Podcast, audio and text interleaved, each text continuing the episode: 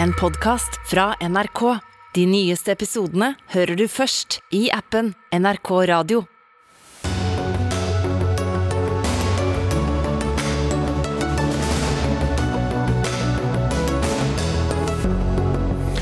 Flere personer enn angrepsmannen skal ha vært involvert i Oslo-angrepet på lørdag, ifølge PST.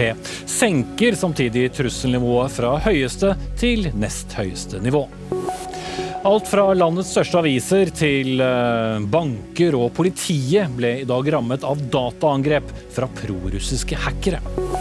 Hvem skal få sengeplassen på sykehuset? Norske covid-pasienter kjemper om plassen mot eldre og skrøpelige cruiseturister. Og selv om Tyrkia har hevet sitt veto mot eh, Sverige og finske Nato-søknader, er medlemskapet fortsatt ikke garantert. Riktig god onsdagskveld. Dette er eh, Dagsnytt 18 med Espen Aas. Der lørdagens skyting i hovedstaden fortsetter å dominere nyhetsbildet. Og PST har nå ettermiddag hatt en presseorientering, og den eh, holdt du, fungerende PST-sjef Roger Berg. Der sa du at flere personer skal ha vært eh, involvert. Hva ligger i det? Eh, saken, eller selve terrorhendelsen på lørdag, den etterforskes av politiet, og politiet vil avklare alle detaljene rundt det. PST vi har et eh, større bilde eh, på den saken. Og det dreier seg om vår oppgave å avverge fremtidige handlinger. Vi skal forebygge og avverge at det ikke skjer noe mer. Så det er vårt utgangspunkt. Vi har et stort nettverk vi har mange samarbeidspartnere som jobber eh, sammen med oss. Og i det bildet, etterretningsbildet, så mener vi at eh, eh, det er grunn til å se på også andre som kan ha vært involvert, men ikke selve hendelsen. Vi har fokuset på at det ikke skal komme såkalte følgeaksjoner. At noen blir inspirert til å begå nye voldshandlinger. Men betyr det at mannen tilhørte en form for nettverk?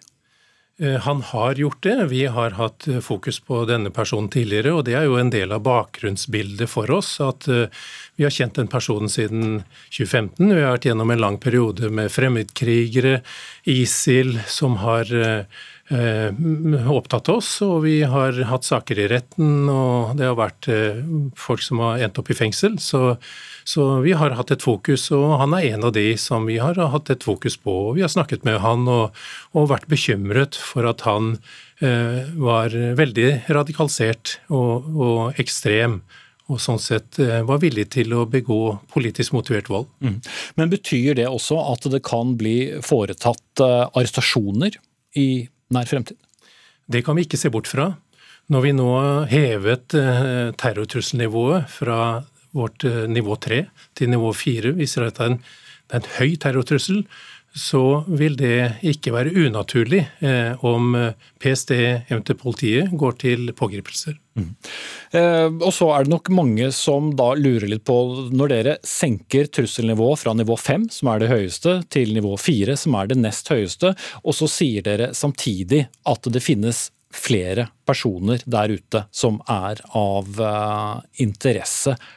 Hvorfor er det da tryggere f.eks.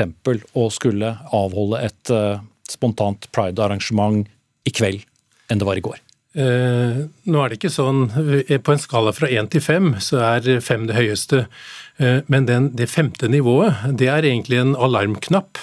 En sånn rødknapp som vi trykker på når vi får en terrorhendelse. Og så da har vi en uavklart situasjon. Og så vurderer vi etter det, når vi har fått en bedre avklaring på hva vi står overfor, det er mindre uavklart, da setter vi et terrortrusselnivå. Før hendelsen så var det nummer tre, eller på det tredje nivået, som vi har hatt gjennom flere år, faktisk. Det sier også at det kan skje terror.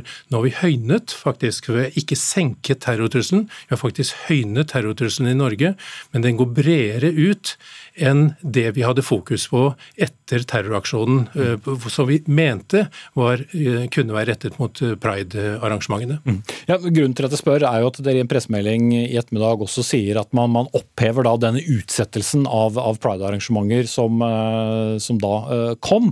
Og det gir jo et inntrykk av at dersom man f.eks. da tilhører pride-miljø, eller et skeivt miljø om du vil, så er det mer trygt å delta på et arrangement i dag enn det var i går, ut fra hva dere sier i pressemeldingen?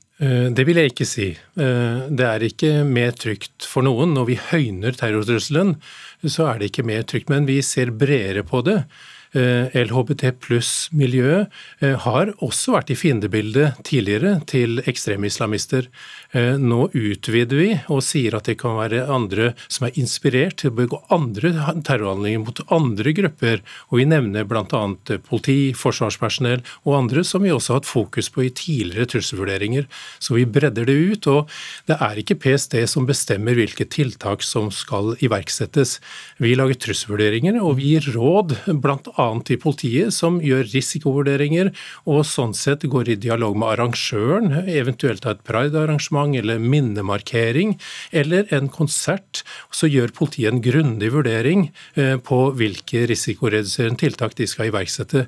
Man, når vi nå er på høy, så kan man komme til å se bevæpna politi, mer bevæpna politi, tungt bevæpnet politi. Eh, arrangementene blir vurdert lokalt av politidistriktene. Dette er de gode på til å vurdere. Eh, og det er ikke sikkert at det blir likt over det hele landet. Og pride-arrangementer eller minnekonserter eh, må politiet gjøre en vurdering av. Eh, men det er ikke vi som bestemmer over tiltakene. Vi gir råd på et nasjonalt nivå om hva nasjonen står overfor av terrorutfordringer. Mm. Og Nettopp derfor så er det vel kanskje også mange som lurer på bør jeg gå på den konserten, skal jeg gå på den uh, fotballkampen, uh, hva som helst. Kan du gi uh, slags form for råd til folk som nå føler seg usikre på om de bør være på steder der mange folk samles?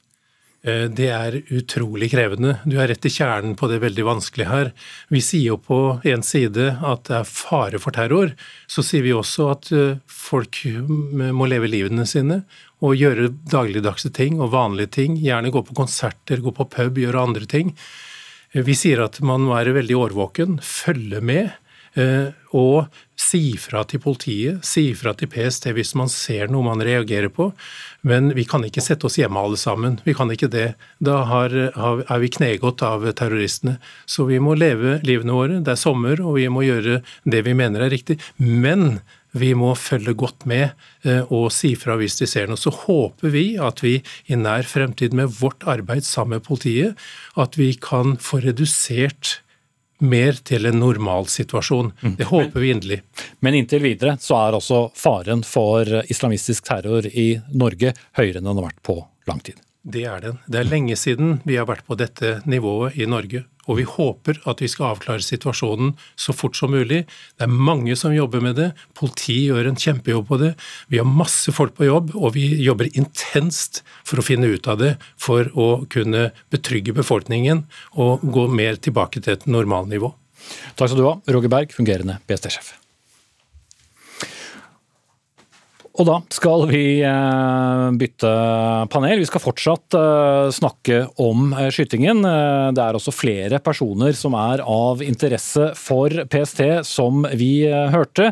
Og trusselnivået forblir altså inntil videre på nivå fire det nest høyeste nivået. Det er opp til hvert enkelt politidistrikt å foreta vurdering om hvorvidt større arrangementer er trygge eller ikke. Terrorforsker ved Forsvarets forskningsinstitutt, Petter Nesser. Hvor stort islamistmiljø kan det egentlig være snakk om i Norge? Det er i hvert fall betydelig eh, mindre enn det det har vært tidligere. Også eh, på, for noen år siden, når, når eh, når IS eh, på en måte var en, en stor trussel, så, eh, så, hadde vi jo et betydelig eh, islamistmiljø i Norge. Og dette er et miljø som vokste fram fra rundt 2012. Det var inspirert av en, en gruppe i England som heter El Muhajiroun. De brukte samme metode for mobilisering som de. De demonstrerte, de holdt altså, sånn media, altså pressekonferanse og rekrutterte veldig åpent, var veldig åpne i sosiale medier.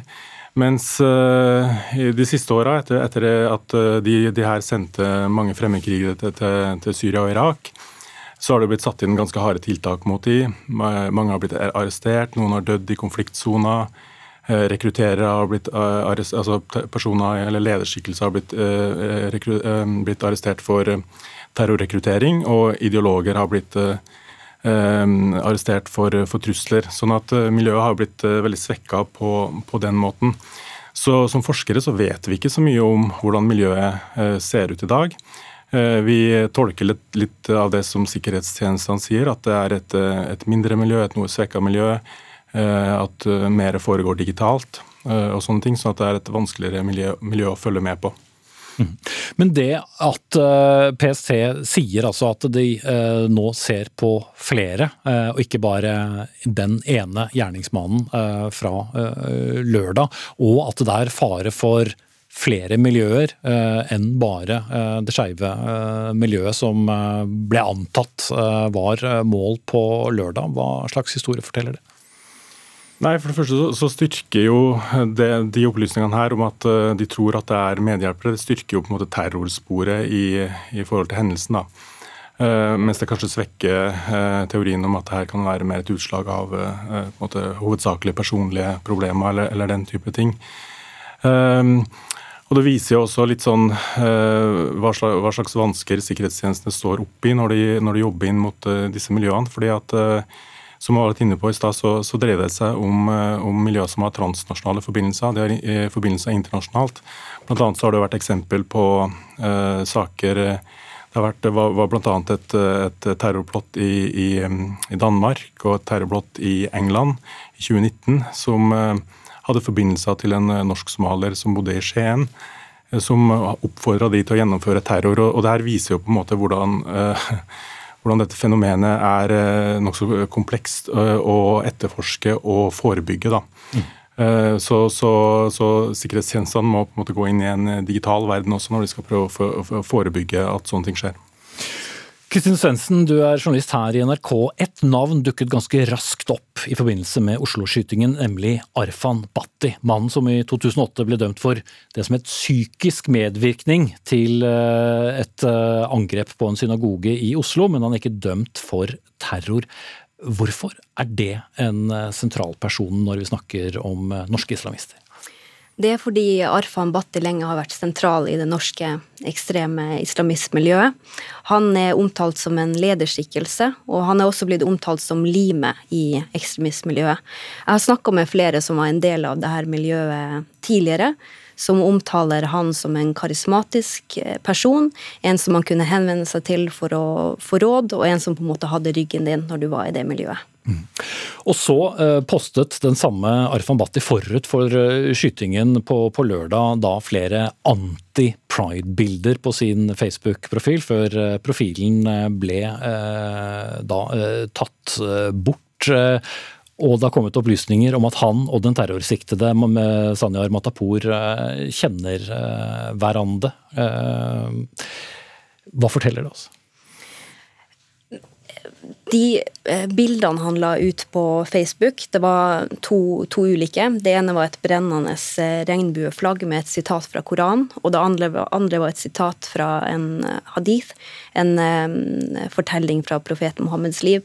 Og begge de her to sitatene kan knyttes til rettferdiggjøring av dødsstraff mot, for homofile. Og i forbindelse med at det her ble posta før, eh, før, angrepet, så er det mange som syns at det var interessant. Mm. Vet vi om Arfan Bhatti selv er veldig religiøs?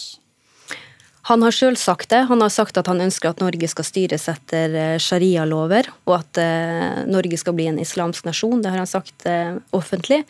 Jeg har også snakka med personer som, uh, som, kjenner han, og som omtaler han som veldig religiøs og firkanta og streng når det gjelder religiøs praksis. Mm.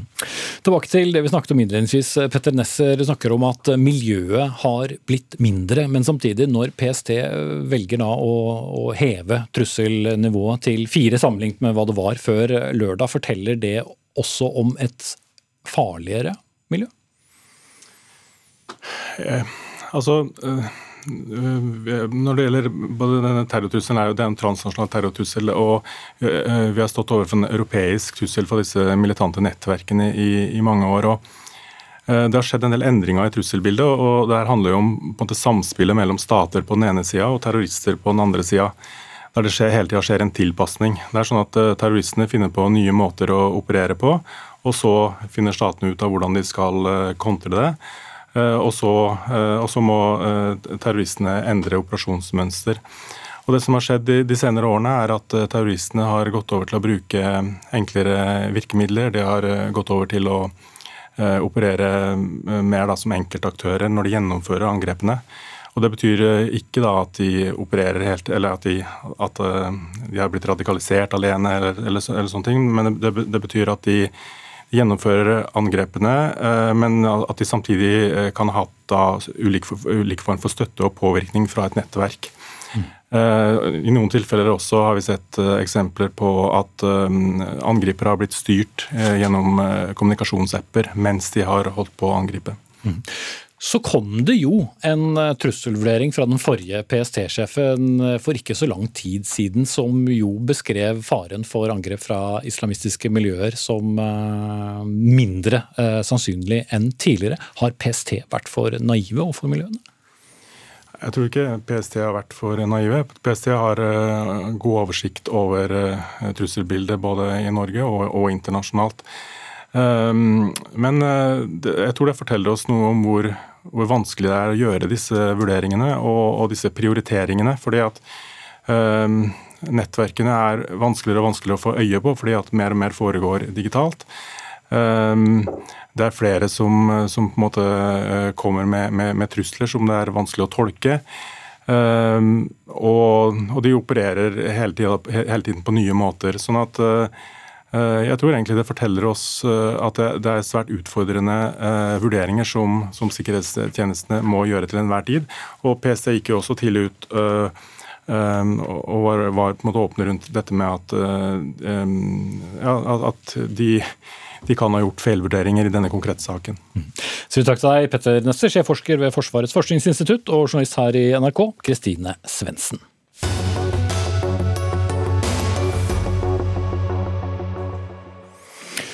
Og dagene som eh, har gått siden den svært spesielle lørdagsnatten i eh, hovedstaden, har også laget et slags spesielt eh, vakuum, hvor de som ønsket å ha markeringer mot terror, ble bedt om å ikke gjøre det.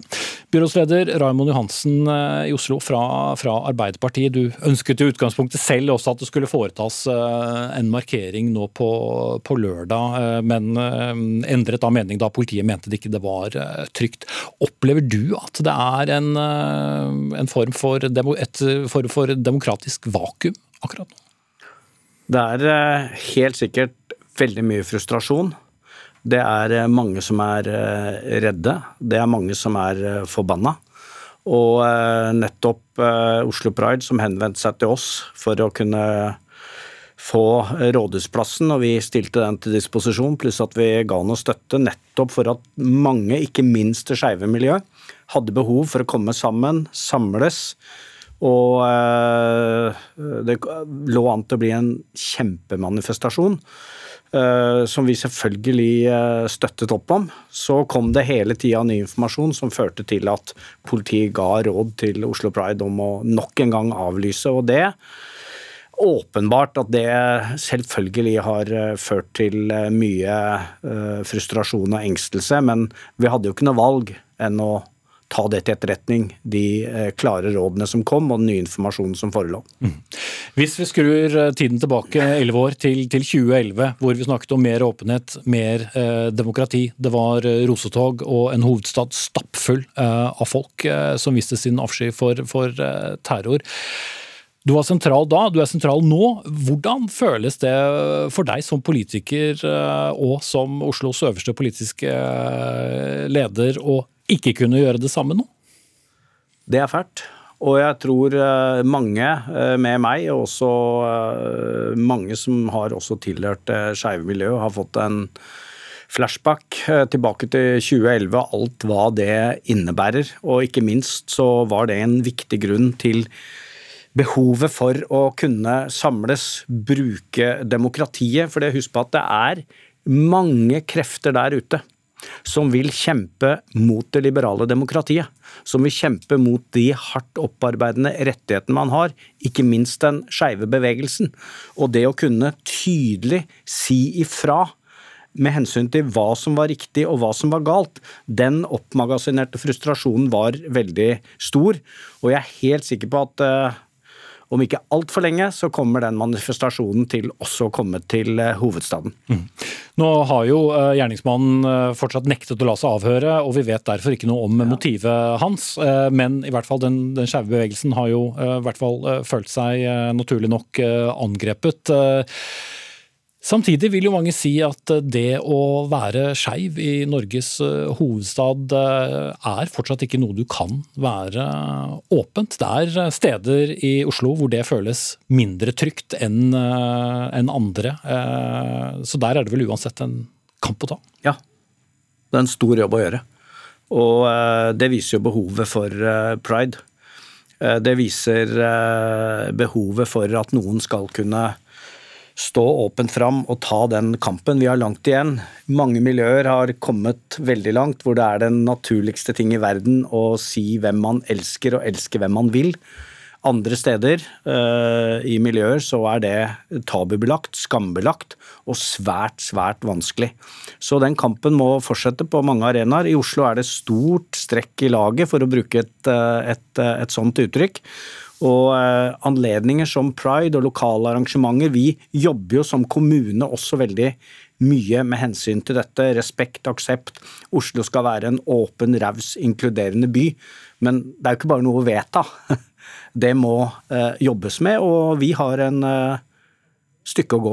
En lang vei å gå. Mm. Også et politisk ansvar? Det er også et betydelig politisk ansvar å gjøre noe med det. Og det føler jeg på. Eh, og så er det et eh, politisk ansvar det å få folk nå til å føle en trygghet. Og det er en utrygghet der ute. Og de siste dagene har jo vist det. Så det har vi både som storsamfunn Viktig at det reetableres. Respekt for alle institusjonene. At det reetableres. Og så har vi som politiske ledere i Oslo et uh, betydelig ansvar for å tilrettelegge for dette og jobbe på alle de arenaene, alle de stedene, overfor alle de miljøene vi må, og den eh, kampen kommer til å fortsette. Kort til slutt, Vi inviterte for så vidt Oslo-politiet til studio i dag. De hadde ikke mulighet til eh, å delta. Men dersom de sier at det er trygt å ha store arrangementer igjen eh, i, i hovedstaden, ønsker du det velkommen? Ja, selvfølgelig ønsker jeg det velkommen. Nå er jo eh, Pride, også Oslo Pride selv som arrangører, og vi eh, ønsker å bidra til å tilrettelegge for det. Nå har de sagt at de kanskje ønsker å komme tilbake rett over sommeren med en voldsom kraft i hovedstaden med godt planlegging, og vi skal bidra alt vi kan. Og det ønsker jeg velkommen, for det er viktig for eh, hovedstaden og hvordan vi ønsker å være og gi trygghet til byens befolkning, uavhengig av hvem de elsker. Ok, Takk skal du ha, Raymond Johansen, byrådsleder i Oslo.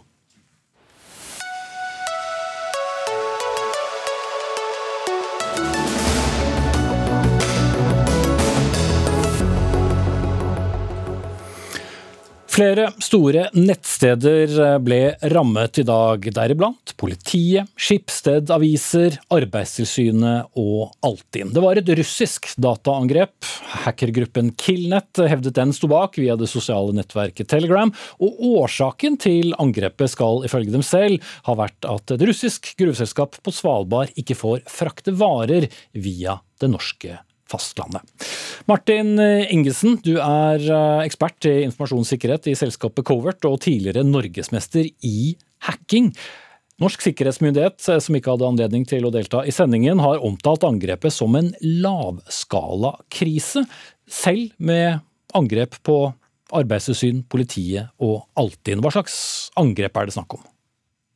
Her er det snakk om et uh, tjenestenektsangrep uh, som egentlig omhandler at man skal uh, bruke opp all tilgjengelig datatrafikk til en nettside f.eks., uh, sånn at den ikke kan bli brukt av noen andre, altså normale brukere av, av tjenesten. så her har de hatt en liste med, med mål som de har publisert, og, og på en måte gått etter. Og ved å gjøre dette, hva er det de angriperne ønsker først og fremst å oppnå? Nei, altså, De ønsker nok å åpne at man skaper en, en følelse at de, de, har mulighet til å påvirke oss som, som samfunn. De har gått etter mål som, som, de har ansett som kanskje kritiske for oss, og så har de lyktes mer eller mindre med det. Eh, men angrepet i seg selv er jo av svært liten alvorlighetsgrad. Det har, det har ingen innvirkning på kalle eh, integritet til data, eller at, at, noe har blitt lukket, eller at det har måte, kommet noe på avveie. Det er kun tilgjengeligheten som har blitt påvirket her. Alt tyder på at angrepet kommer fra et russisk kriminelt miljø. Det sa justisminister Emil Enger Mehl fra Senterpartiet på en uh, presseorientering som har pågått nå mer eller mindre parallelt med uh, denne sendingen. Hva vet vi om denne gruppen? Nei, det vi vet er jo at De har gjort dette her mot en rekke andre land uh, tidligere. så Norge er ikke først, først i køen sånn sett. de har også vært uttalt f.eks i, i, forbindelse med Eurovision Song Contest at de ønsket å, å påvirke, påvirke, den finalen. Eh, og, og, Fremgangsmåten deres er jo nettopp denne type tjenestenektsangrep. Eh, Lavkostangrep som, som krever relativt liten teknisk kompetanse for å gjennomføre, eh, men som, som har en visuell effekt der man merker at det skjer. Eh, men, men som sagt, om, altså, skadeomfanget er relativt begrenset. Audun Jøsang, professor og leder i forskningsgruppen for digital sikkerhet på Universitetet i eh, Oslo. Når eh, sentrale tjenester som, eh, som både Altinn, Arbeidstilsynet og faktisk politiet blir angrepet, er vi særlig godt forberedt? Jeg tror nok de fleste norske virksomheter og også myndighetene har god beredskap. Og slike angrep de kan få en effekt på kort tid, men tjenestene blir som regel gjenopprettet etter veldig kort tid. slik at jeg er helt enig, dette er et enkelt angrep eh, eh, som ikke vil ha noen langtidseffekt. Men oppnår da egentlig angriperne så mye? Ja, Dette er ren eh, påvirkning, egentlig. Eh, de vil gjerne kanskje avskrekke og vise at de får det til. Eh, og dette er en del av moderne cyberkrigføring. Å på en måte avskrekke og skremme andre land til å kanskje ta andre beslutninger. Og dette er jo symbolsk, da. Eh, det kom jo i går nyheten om at eh, Sverige og Finland antageligvis blir medlem av Nato. Eh, og så tilfeldigvis så er Jens Stoltenberg generalsekretær i Nato, slik at han symboliserer, og Norge symboliserer nettopp at Sverige og Finland går inn i Nato. Og da blir den, Det symbolet blir da faktisk et reelt mål for disse angrepene. Så det er det det betyr. Og så nevnes det også at det er denne boikotten av import eh, til, av matvarer til Svalbard som også kan spille inn i dette. Mm. Men eh, dette var jo da et angrep som begynte i halv to-tiden natt eh, til dag, og har jo pågått eh, en del eh, timer. Men angrep og angrep, hva fysisk er det man får til? Eh, de klarer kun å stoppe tilgjengeligheten til eh, online tjenester for legitime brukere. Og så snart angrepet opphører, så er tjenestene tilgjengelige. De er uskadd. De skades ikke gjennom dette angrepet. Vi skal eh, videre til eh, Moskva, eh, hvor du er vår korrespondent Jan Espen Kruse. Russland kalte en representant fra norske ambassaden inn på teppet i dag, nettopp fordi norske myndigheter blokkerer russiske forsyninger til Barentsburg på Svalbard, som også har blitt pekt på i, i angrepet. Mange vil vel kanskje si at disse to hendelsene ikke er helt tilfeldige? Nei, eh, det er det jo ikke. Det virker jo som det er en klar sammenheng her. Eh, I det russiske utenriksdepartementet så fikk eh, den norske diplomaten vite at sett fra russisk side så er det som skjer på Svalbard helt uakseptabelt. De mener at Russland har rett til å sende varer de ønsket å sende over Storskog, grensa i nord, til Tromsø, og så med båt til, fra Tromsø til, til Svalbard, til dette gruvesamfunnet samfunnet. Så eh, politiske kommentarer her i, i, i, Russland går ut på at eh, dette er helt uakseptabelt, det som skjer. Det er et eh, brudd på Svalbardtraktaten, som gir alle land lik tilgang til Svalbard. De som har undertegnet traktaten. da, Det sier man fra, fra russisk side. Og at de advarer om at det vil komme mottiltak hvis Norge fortsetter med det russerne kaller uvennlige handlinger mot Russland, og, og fortsetter å blokkere forsyninger av mat, medisiner og reservedeler som russerne ønsker å ha til Svalbard. Men mens russerne da er opptatt av, av, Svalbard, er de vel kanskje i mindre grad opptatt av at uh, norske institusjoner er blitt angrepet? Ja, det har ikke vært bred omtale av det. NRKs nettartikkel har blitt eh, sitert av en del store eh, russiske medier om eh, denne saken. Men ellers så er det dette rundt Svalbard som virkelig har fått store oppslag i, i mediene her, og som russiske myndigheter da gjentar er veldig, veldig viktig sett fra russisk side. Så her er både medier og politikere nå i, i angrep, voldsom kritikk av Norge Norge for den eh, politikken eh, Norge står for. Og dette angrepet fra Killnet, eh, disse hackerne, må vel også da helt klart ses på som et, et, et, et slags statlig, en forlengelse i hvert fall, av den statlige kritikken fra russisk side. Det er vel all grunn til å tro at i et autoritært styrt land som Russland, så vil ikke en slik gruppe få operere på egen hånd. Høyst sannsynlig så er det en sammenblanding av myndighetenes interesse for denne denne eh, hackergruppen eh, fremmer jo russiske interesser. Eh, det er, det er de som russiske myndigheter erklærer som en fiende, som blir angrepet av disse hackerne også. Mm. Audun Grøssang, basert på at det er brukt eller pekt på at det er politiske motiver for disse angrepene, gitt den ganske ustabile situasjonen Norge også befinner seg i, både som nabo til Russland, vi har Svalbard, vi har krigen i Ukraina, og som vi har vært inne på, en norsk generalsekretær i Nato. Bør vi være forberedt på økt antall angrep? Eh, vi bør være forberedt på mer avanserte angrep enn det som vi opplevde nå eh, i dag eller i natt. Eh, nettopp ved å skape kompetanse til å håndtere avanserte angrep. Og jeg tror nok at angriperne de driver sterk innovasjon. De blir flinkere og flinkere, og de vil etter hvert ta i bruk maskinlæring, automatiserte angrep.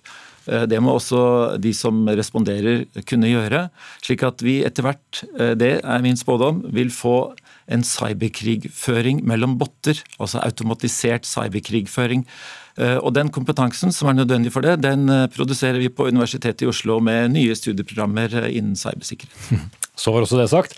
Da takker dere av alle tre. Martin Ingesen, ekspert i informasjonssikkerhet i selskapet Covert, og tidligere norgesmester i hacking Audun Jøssang her i studio, som er professor og leder i forskningsgruppen for digital sikkerhet på Universitetet i Oslo, og vår korrespondent Jan Espen Kruse. Og i en av disse gruppene på meldingstjenesten Telegram som først varslet om dette angrepet, er det nå dukket opp en ny melding der det står 'stopp angrepet', og Killnets egen eh, konto på, på Telegram har også publisert en ny melding, ifølge Dagbladet, der det står stillemodus på alle fronter.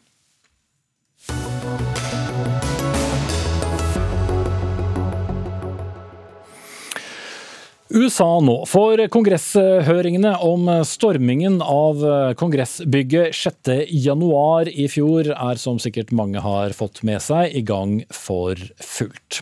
De siste dagene har nye og til dels oppsiktsvekkende bevis blitt lagt frem, som tegner et bilde av en daværende president som desperat forsøkte å holde på makten.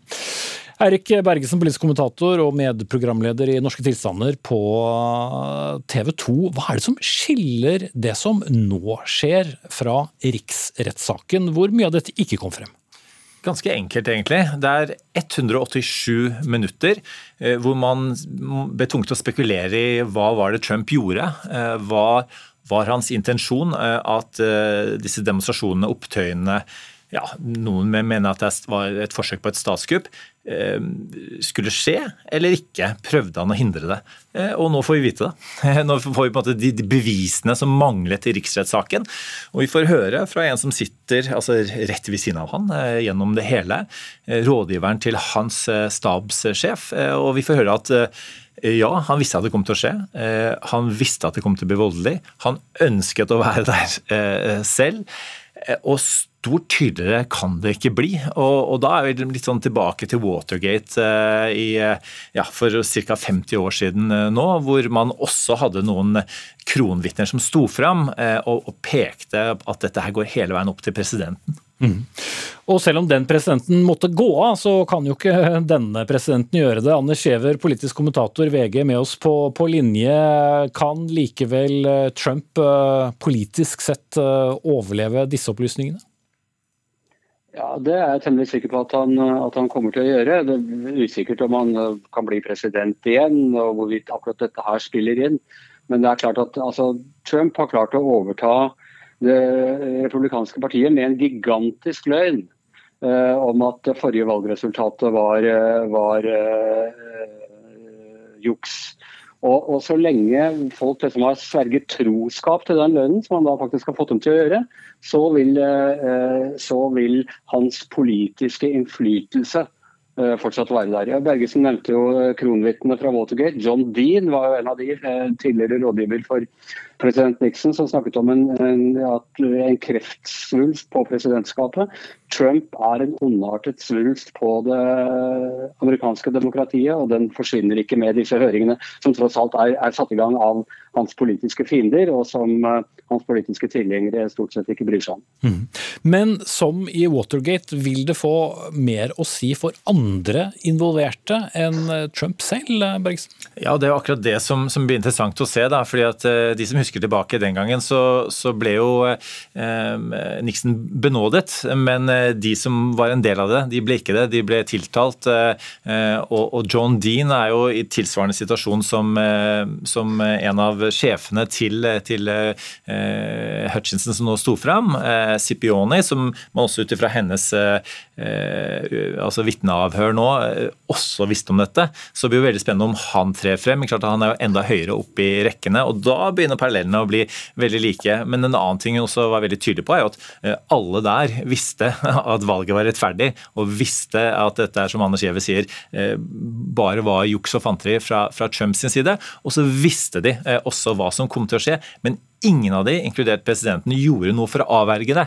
Og Det er klart at eh, det er da vi begynner å snakke om er dette altså, kriminalisert. Er dette noe da som Justisdepartementet vil forfølge eh, seinere? Eh, De eh, følger med på dette. De også, snakker også med disse vitnene. og Det er jo det som måtte vil avgjøre på om Trump vil bli ja, rettsforfulgt og dermed sånn, rett og slett både bokstavelig talt da, ikke får muligheten til å, eh, til å kunne stille til presidentvalget igjen. Og så er jo dette med om omdømmet hans, da, som, som måte, måten han oppførte seg på midt oppi det hele. Altså, det handlet jo eh, kun om han. Altså, man sa at disse, vi må slippe det gjennom, dette er mine tilhengere. Eh, men det er jo da eh, folk som da rett og slett ønsket å henge Mark Pence. Han visste det, og han hadde ikke noe imot det engang, forteller hun. Mm. Og uh, Anders uh, Giæver, kan vi da også komme opp i en situasjon her hvor den sittende presidenten, uh, Joe Biden, må ta stilling til om Donald Trump, med den hva skal vi si, noe polariserende historikken de to har, skal benådes? Ja, teoretisk sett så, så, så, kan jo det selvfølgelig skje. Det er, det, er mange, det er, mange, ting man skal gjennom før noe sånt skjer. Ja, det, eh, det, er ingen presedens for å ta ut eh, tiltale mot en president etter at han har gått av, særlig ikke etter at han har blitt frikjent i eh, to riksrettssaker. Jeg tror det er et ønske i hele politiske establishment i USA å ikke drive dette for langt heller. Nå har vi hatt tre riksrettssaker mot amerikanske presidenter de siste uh, eh, 20 årene. og Det er en belastning på, på, hele det politiske systemet. så Jeg vil tro at man prøver å unngå det. Det spennende nå er om uh, Trumps anbefalinger til mellomvalgene nå i november. Uh, kommer de fortsatt til å være sånne middagsberøringer? Og, og, Det er liksom det som vil avgjøre om man fortsatt har um, en politisk kapital. Eller så har han en såpass stor base som, kommer, som har tålt alle mulige rare Pussygate og, og, og løgner og, og, hva det måtte være. og hvis, hvis, Så lenge de øh, holder seg til han, så vil han fortsatt ha en veldig sterk innflytelse på amerikansk politikk, selv om han øh, aldri har hatt noe, noe øh, politisk flertall ved noen av valgene. Mm. Ja, Vil han overleve Bergesen? Um, Jeg tror ikke det. Eh, og, det er sånn, Jeg er blant de mange, også amerikanske USA-eksperter, som tok feil at, Trump ble valgt. Men siden har jeg vært veldig forsiktig. Eh, fordi at jeg har sett at Min enkle maktanalyse er at det republikanske partiet har, eh, de har vært i den oppfatning at Trump gir dem makt. Og det så vi jo senest nå, selv etter at han ikke var som president. De, de ga han en opphevelse av abortdommen, Roe versus Wade, som, som, har veldig mye å si for veldig mange. Veldig mange som, som ikke liker Donald Trump, følte nok at nå fikk det heldigvis eh, som, som fortjent. Samtidig så Hvis Justisdepartementet finner noe kriminelt her, så har ikke de anledning til noe annet enn å etterforske det og tiltale han. Det må de gjøre. Eh, altså, det er jo ingen rettsstat eh, som, som, kan overse noe sånt pga. det politiske. Eh, så, så, sånn er det. Eh, og, og, og, så, og, så, er Må du stå opp, høres ut som Anders Giæver? Er det Anders som må stå opp, eller er det meg? Nei, det er Anders. Det var i hvert fall en, en, klokke som, som, gikk av, og dere for det tiden var ute. Men jeg skal uansett uh, runde det hele av. Takk skal du ha, Erik Bergsen, kommentator og programleder i TV 2. Anders Giæver, politisk kommentator i VG.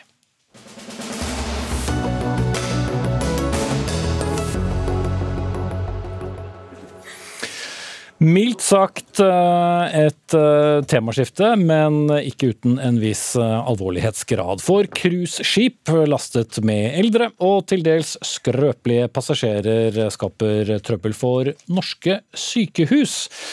For cruisepassasjerene, de er altså ikke alltid friske. Det oppstår bruddskader, det kan være kompliserte hjerte- og lungelidelser, og det går utover norske sykehus, kunne vi lese i en ytring på nrk.no i dag, forfattet av deg, Klaus Albrechtsen, som har eh, vært sykehuslege ved eh, Universitetssykehuset som det heter, i Nord-Norge i 37 år.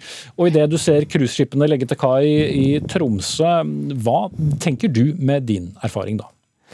Da tenker jeg at uh, her kan vi få noen nye utfordringer som kan være meget krevende. Det viser seg det at eh, ofte så blir det innlagt pasienter som trenger øyeblikkelig hjelp, som kommer fra cruiseskip. Eh, I mitt fagområde nevrologi så dreier det seg om pasienter som kan ha fått en eh, hjerneblødning eller et hjerneinfarkt. Det kan også være epilepsi. På andre avdelinger så kan det være eldre som har snublet og ramlet og brukket lårhalsen og mot de ortopedene. Og som du nevnte, det kan være hjertepasienter, lungepasienter, kols f.eks. og sånne ting. Og enhver som har lest en lokal- eller regionavis i disse dager, har lest om sommerbemanningen ved norske sykehus. Så hvis det er i overkant mange cruisepasienter som trenger hjelp, hva da? Da mener jeg at det går utover våre egne, dvs. Si vår egen befolkning. Og Det er derfor jeg skrev i kronikken de som har vært med på å bygge opp velferdssamfunnet. Fordi eh, de pasientene som kommer, eh, som snakker f.eks. fransk eller eh, et annet vanskelig språk for de fleste av oss, så må vi bruke mye tid på å skaffe oss en tolk. Vi får kanskje ikke en personlig tolk, men en telefontolk. Det kan være dårlig kvalitet på det.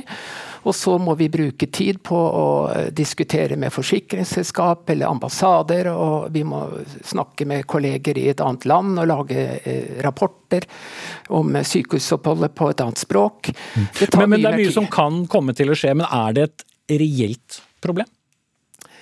Det oppstår iallfall hver sommer på vår avdeling. Jeg har ikke noe tall, men det er eh, akkurat i sommer vil jeg si at til enhver tid så har én til to senger eh, vært opptatt med utenlandske pasienter. Dvs. Si vi har ti senger, og én til to av de sengene er eh, belagt med eh, selvfølgelig gjester. Og vi er ikke imot å gi dem god hjelp, det skal vi gjøre, for all del. Men mm. det er det at vi trenger mer kapasitet. Ok. Cecilie Myrseth, stortingsrepresentant og helsepolitisk statsperson for Arbeiderpartiet på Stortinget. Deler du bekymringen? Nei, Det som er i hvert fall viktig å si, er jo at eh, de som blir syke i Norge, enten du er eh, fjellturist i Lyngen eller cruisepassasjer, eller om du er turist fra Oslo på helgetur i Tromsø, så skal du få hjelp om du eh, blir, eh, blir syk. Men det kan Men, bli trangt om plassen? Det som jo eh, jeg også oppfatter som er bekymringa til eh, legen på, på UNN, er jo, eh, jo kapasitetsutfordringen. Og det deler jeg jo. Derfor er vi i gang med å, å arbeide med nettopp det. Jeg satte ned en helsepersonellkommisjon. Hvordan skal vi sikre at vi får det helsepersonellet som vi trenger? Vi har utfordringer med fastlegekrise. Så vi har mange utfordringer i helsetjenesten å ta tak i, og det skal vi gjøre. For den kommisjonen løser vel ikke denne sommeren? Nei, det gjør det ikke. Eh, og så vil jeg jo si at I Tromsø er det jo mest turister på vinteren. da. Eh, og så vil jeg også si at vi er jo, vi er jo for at turistnæringa også skal komme tilbake til, til normalen. Eh, og så vi tenker også at det er eh, viktig i det næringspolitiske arbeidet. Eh, det er jo også eh, at vi også er for å innføre en form for turistskatt, som skal være med å, å ta kostnadene for fellesgodene våre, som jo også turister får nyte godt av når de kommer til landet vårt. Espen Nakstad, assisterende helsedirektør. Vi har jo hørt meldingene om økning i covid-pasienter per nå. Hvordan er situasjonen på norske sykehus?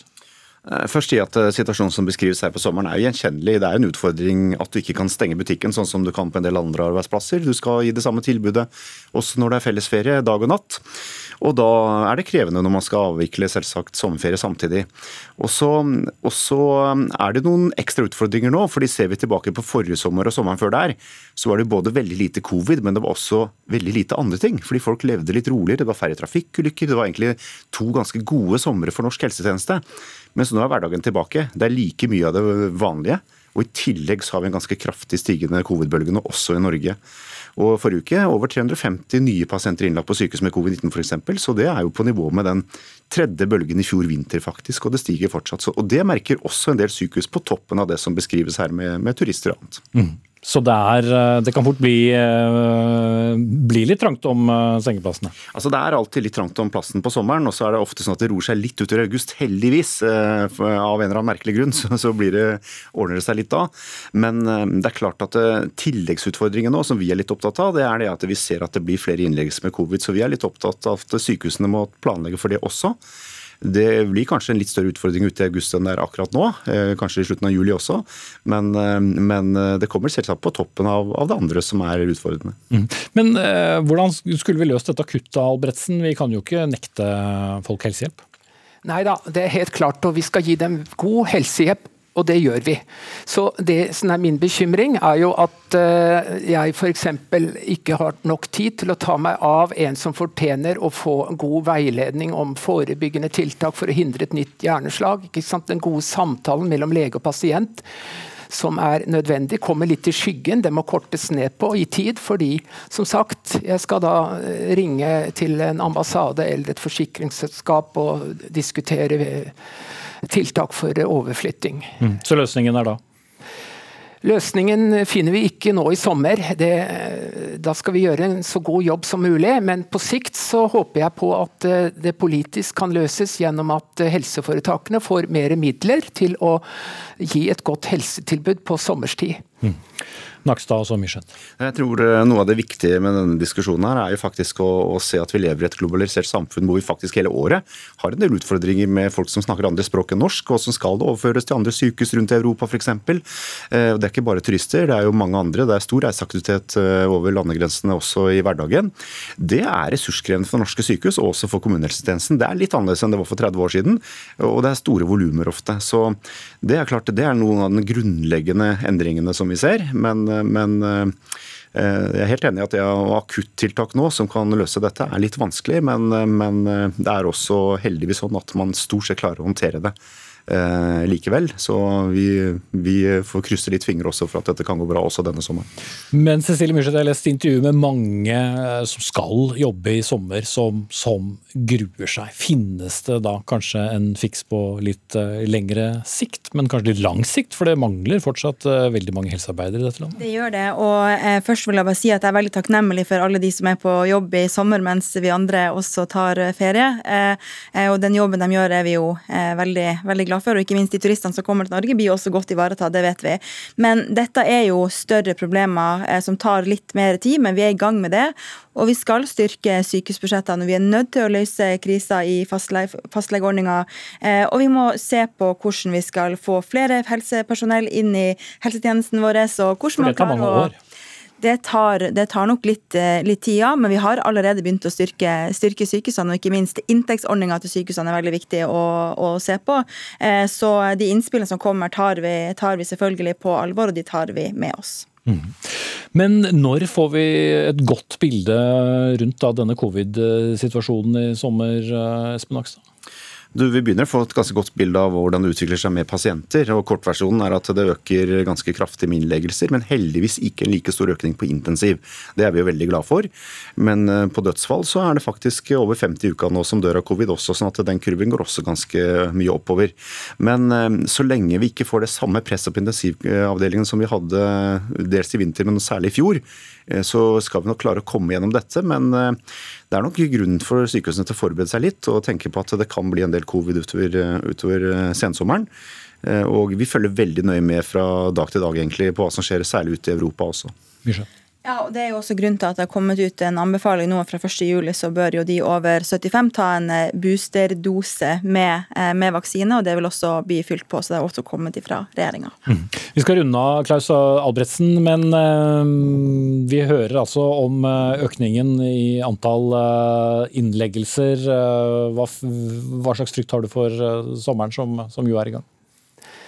Ja, det er jo det at ikke vi får gjort en god nok jobb, men vi skal gjøre vårt beste. Det er en eh, god stemning sånn sett, så folk skal ikke være bekymret. De skal få eh, god hjelp, de som trenger det. Mm. Mitt skip er lastet med cruisepasienter. Klaus Albretsen, sykehuslege ved Universitetet i Nord-Norge. Cecilie Myrseth, stortingsrepresentant og helsepolitisk talsperson fra Arbeiderpartiet. Og Espen Nakstad, assisterende helsedirektør.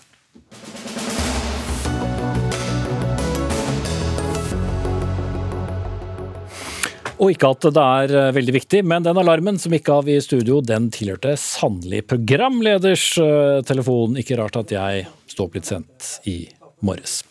Nato-toppmøte i Madrid det fortsetter. Et nytt strategidokument ble i dag vedtatt for alliansens rolle i fremtiden, og tilstedeværelsen i Øst-Europa den skal eh, utvides. Samtidig er, eh, som vi vet, eh, Sverige og Finland nå offisielt invitert som søkere som medlemsland. Og Simen Ekern, vår europakorrespondent, følger møtet i Madrid. Denne avtalen som er inngått mellom Sverige og Tyrkia. Hvor kontroversiell er den? Jeg var akkurat eh, på et arrangement der alle de nordiske eh, stats- og regjeringssjefene møttes, og da var det bare god stemning. Gratulerer med dagen til Norden, sa Danmarks statsminister. Og det var ikke snakk om eh, noen av detaljene i denne avtalen. Nå er jo heller ikke detaljene så klare, selv når man leser den, men det er jo særlig dette punktet om det er jo særlig dette punktet om, om de som skal uh, muligens da utvises eh, fra Sverige, og hvilke kriterier som skal gjelde, som, uh, som har ført til en hel del debatt. og Der gjenstår det rett og slett å se hvordan dette tolkes.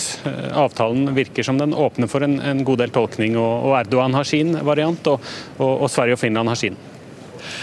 Tyrkia og Russland har jo hatt eh, tette bånd. Hva kan eh, denne godkjennelsen da fra Erdogans side av eh, Sverige og Finland eventuelt få si for dette forholdet videre?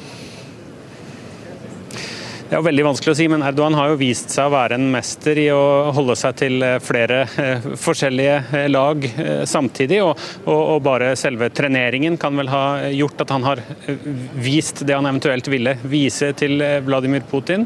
Det er nok ingen grunn til å tro at Tyrkia med dette forlater den viljen og evnen landet har hatt til å være ute etter å pleie sine interesser i, i, med forskjellige partnere.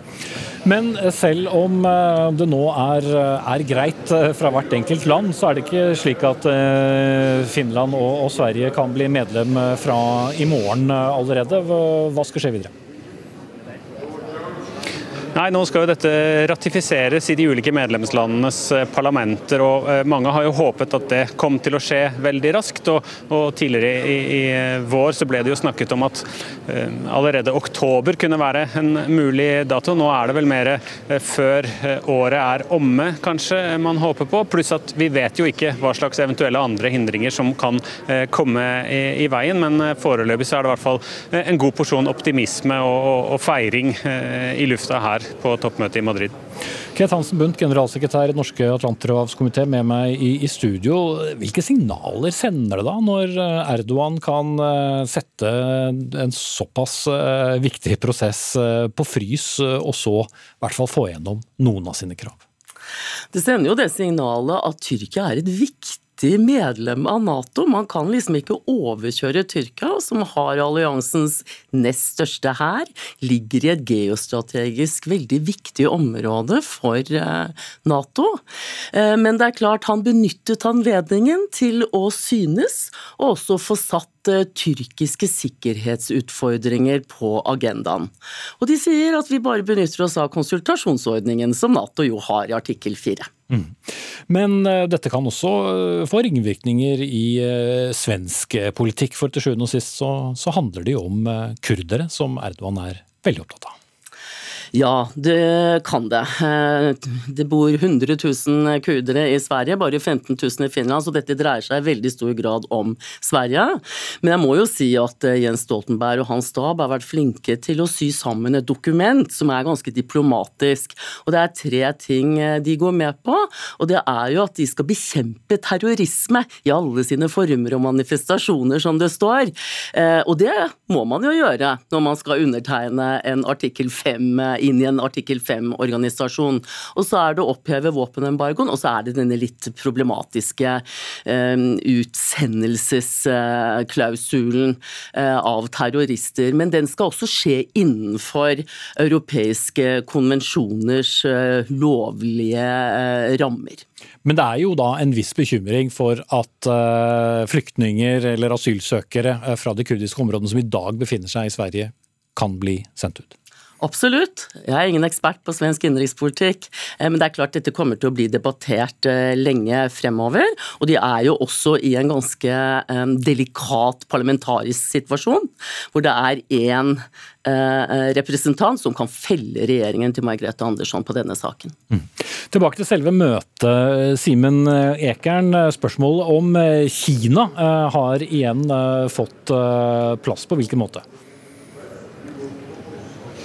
Ja, Det er jo i dette nye eh, strategiske dokumentet da, som skal definere hva Nato skal være framover, så er det første gang eh, Kina eh, nevnes. Og mens Russland nå går fra å være en mulig partner, som det var for ti år siden, til å være den største trusselen mot Nato-landenes sikkerhet nå, så er Kina en utfordring, står det, mot våre felles verdier og, og sikkerhetsinteresser. Her har det vært en del diskusjoner på forhånd. Hva slags bruk av ord skulle man ende på når det gjaldt eh, Kina.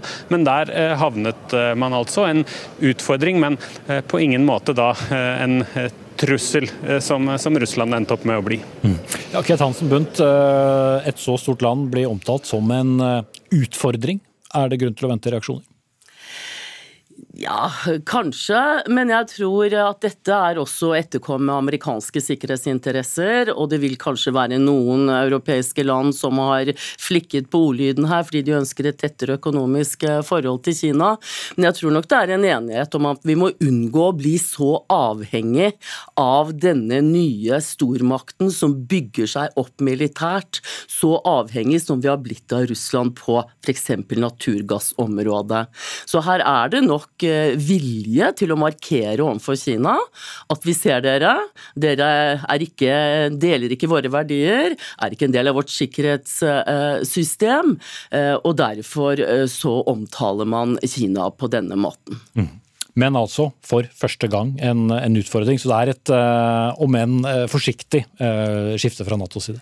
Ja, jeg vil si det. Og Jens Stoltenberg var veldig klar i den pressekonferansen han holdt før toppmøtet begynte, at Kina er ingen fiende. Derimot så ble jo da Russland omtalt på en helt annen måte som en direkte og den fremste trusselen til Nato i denne situasjonen det gjelder. Da sier vi takk til deg, Ket Hansen Bundt, generalsekretær i Norske Atlanterhavskomité. Takk også til vår korrespondent Simen Ekern. 1859, det er ikke årstallet for sist gang noen ikke startet et svar i Dagsnytt 18 med først, vil jeg bare si, men klokkeslettet da denne sendingen skal være over.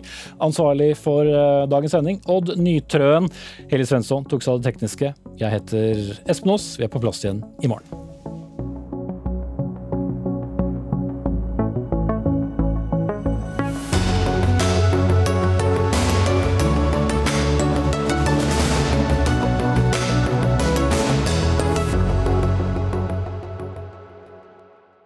Du har hørt en podkast fra NRK. De nyeste episodene hører du først i appen NRK Radio.